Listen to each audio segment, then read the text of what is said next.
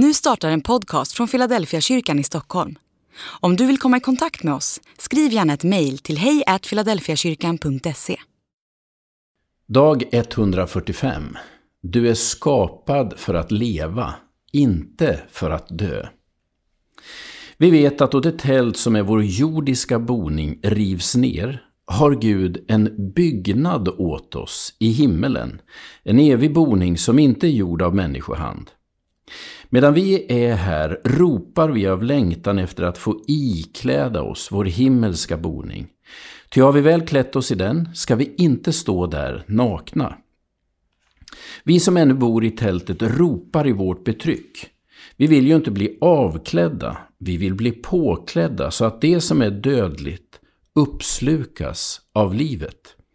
Gud har själv skapat oss just för detta och som en borgen har han gett oss anden. Andra Korintierbrevet kapitel 5, vers 1 till 5. Ska man acceptera döden? Både ja och nej. Å ena sidan kan förnekandet av döden leda till rent sjukliga tillstånd.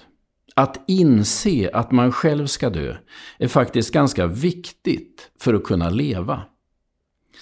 Flera av dem jag mött som fått veta att de lider av en dödlig sjukdom och att deras tid är utmätt har sagt att de lever med mycket större intensitet. Det är som att vetskapen om att dagarna är räknade hjälper människor att ta fasta på det som är viktigt och strunta i allt annat. Egentligen borde alla leva som våra dagar är räknade. Gemensamt för alla som vet att tiden är utmätt är att de satsar på de viktigaste relationerna. Ingen beställer en hel rekond av bilen eller gruvar sig för att det är stökigt hemma. Det är ändå ganska oväsentligt. Nej, det är familjen, barnen eller livskamraten man ägnar all uppmärksamhet. Att då och då fundera på döden kan hjälpa oss till ödmjukhet och prioriteringar som gör oss mer livsdugliga.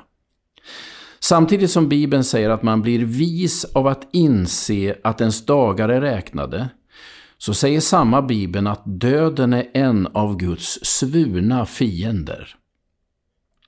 Gud har inte skapat oss för att dö, utan för att leva.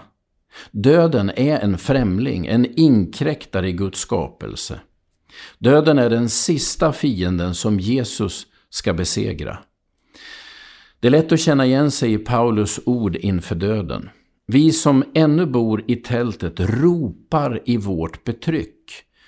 Vi vill ju inte bli avklädda, vi vill bli påklädda så att det som är dödligt uppslukas av livet.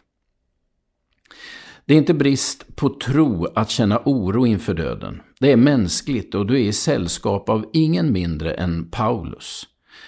Men det mest, fantastisk, mest fantastiska är inte att man kan känna igen sig i hans beskrivning av oron inför döden och döendet.